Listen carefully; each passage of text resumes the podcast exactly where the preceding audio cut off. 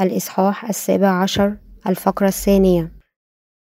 لنركز انتباهنا على مشيئته. رؤيا الإصحاح السابع عشر الآية الأولى إلى الثامنة.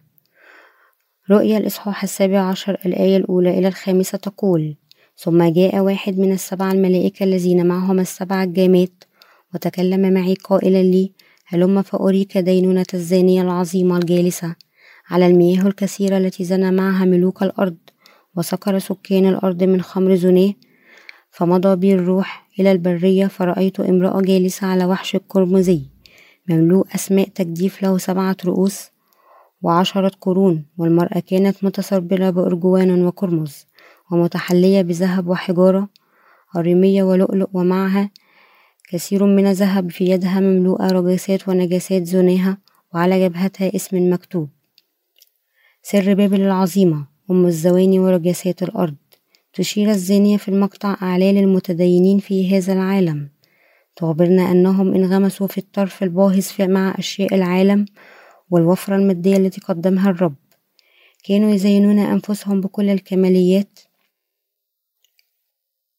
بقلائد من ذهب وأقراط من الماس ولبسوا جميع أنواع الزيت.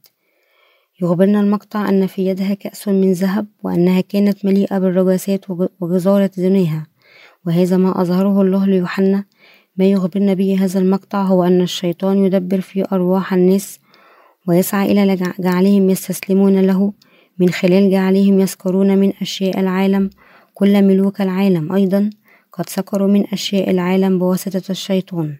وعلى هذا النحو كل شخص على هذه الأرض يسكر من خمر عهارة العالم. يحقق الشيطان أهدافه عندما يسكر الناس بمد هذا العالم وملذلاته وجشعه. المادي الحقيقة أن هدفه هو منع الناس من التطلع لله للقيام بذلك يسكر الشيطان أرواحهم بالأشياء المادية للعالم. يجب أن ندرك أن هذه الحقيقة. لا يوجد أحد في هذا العالم لن يقع في الفخ المادي. الجميع يقع في الماديات كل الاتجاهات العصرية في العالم يتلاعب بها ويقودها. الشيطان. يعتقد الجميع أن لديه أسلوبه الفريد لكن خلفها يكمن المتلاعب وهذا المتلاعب ليس سوى الشيطان.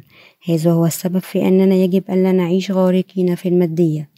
ولكن بدلا من ذلك نعيش نشرب من كلمته ونقوم أعمال الله. إن كلمة الرؤية التي يعلنها الله لنا من خلال الرسول يوحنا هي في الحقيقة إذن ما الذي يحاول الله أن يخبرنا به بهذه الكلمة؟ يخبرنا ربنا أنه لا ينبغي أن نشبع أنفسنا بهذا العالم ولكن بدلا من ذلك نقف ضده. إنه يخبرنا القديسين بعبارة أخرى أن نفكر في الله ونؤمن به بقلوبنا. تقول رسالة يوحنا الأولى الإصحاح الخامس عشر الآية الثانية لا تحب العالم ولا الأشياء التي في العالم من أحب العالم فليست فيه محبة الآب. عندما تحب قلوبنا الأشياء المادية للعالم لا يستطيع الله أن يسكن في قلوبنا ولكن عندما ترمي قلوبنا أشياء العالم بعيدا يسكن الله حينئذ في قلوبنا. يجب ألا نعيش حياتنا مشبعة بالأشياء المادية للعالم. فقط عندما نتألم في كلمة ربنا وأهدافه وحدها يمكن أن يقودنا إرشاده. يمكننا تغيير رأينا في أي وقت. عندما تحاول أشياء العالم الدخول إلى قلوبنا يجب علينا دائما رفضها. يمكننا بعد ذلك طرد كل الأشياء القذرة في العالم من قلوبنا وسرعان ما تذوب قلوبنا في قلب الرب نفسه. ماذا يريد ربنا منا؟ وماذا قال لنا أن نفعل؟ للتأكيد من أن مثل هذه الأفكار الإلهية تظهر في قلوبنا يجب علينا محو الأشياء الدنيوية من قلوبنا. لقد منحنا الله الكثير من البركات ونحن ندرك الآن أنه يجب علينا أن نكرس بإنجيل الماء والروح لشعوب العالم بأسره لبقية أيامنا المتبقية. لذلك نحن لا نغزل حراسنا ونركز انتباهنا على مشيئته من خلال التفكير في الأعمال الروحية.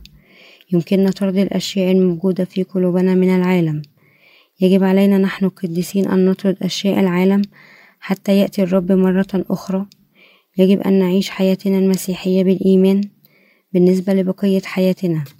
يجب أن نفعل ما أوكلنا الرب إلينا حتى نقف أمامه وعلينا أن نحب الرب ونحيا بالإيمان ونقوم بكل الأعمال التي يسمح لنا بها.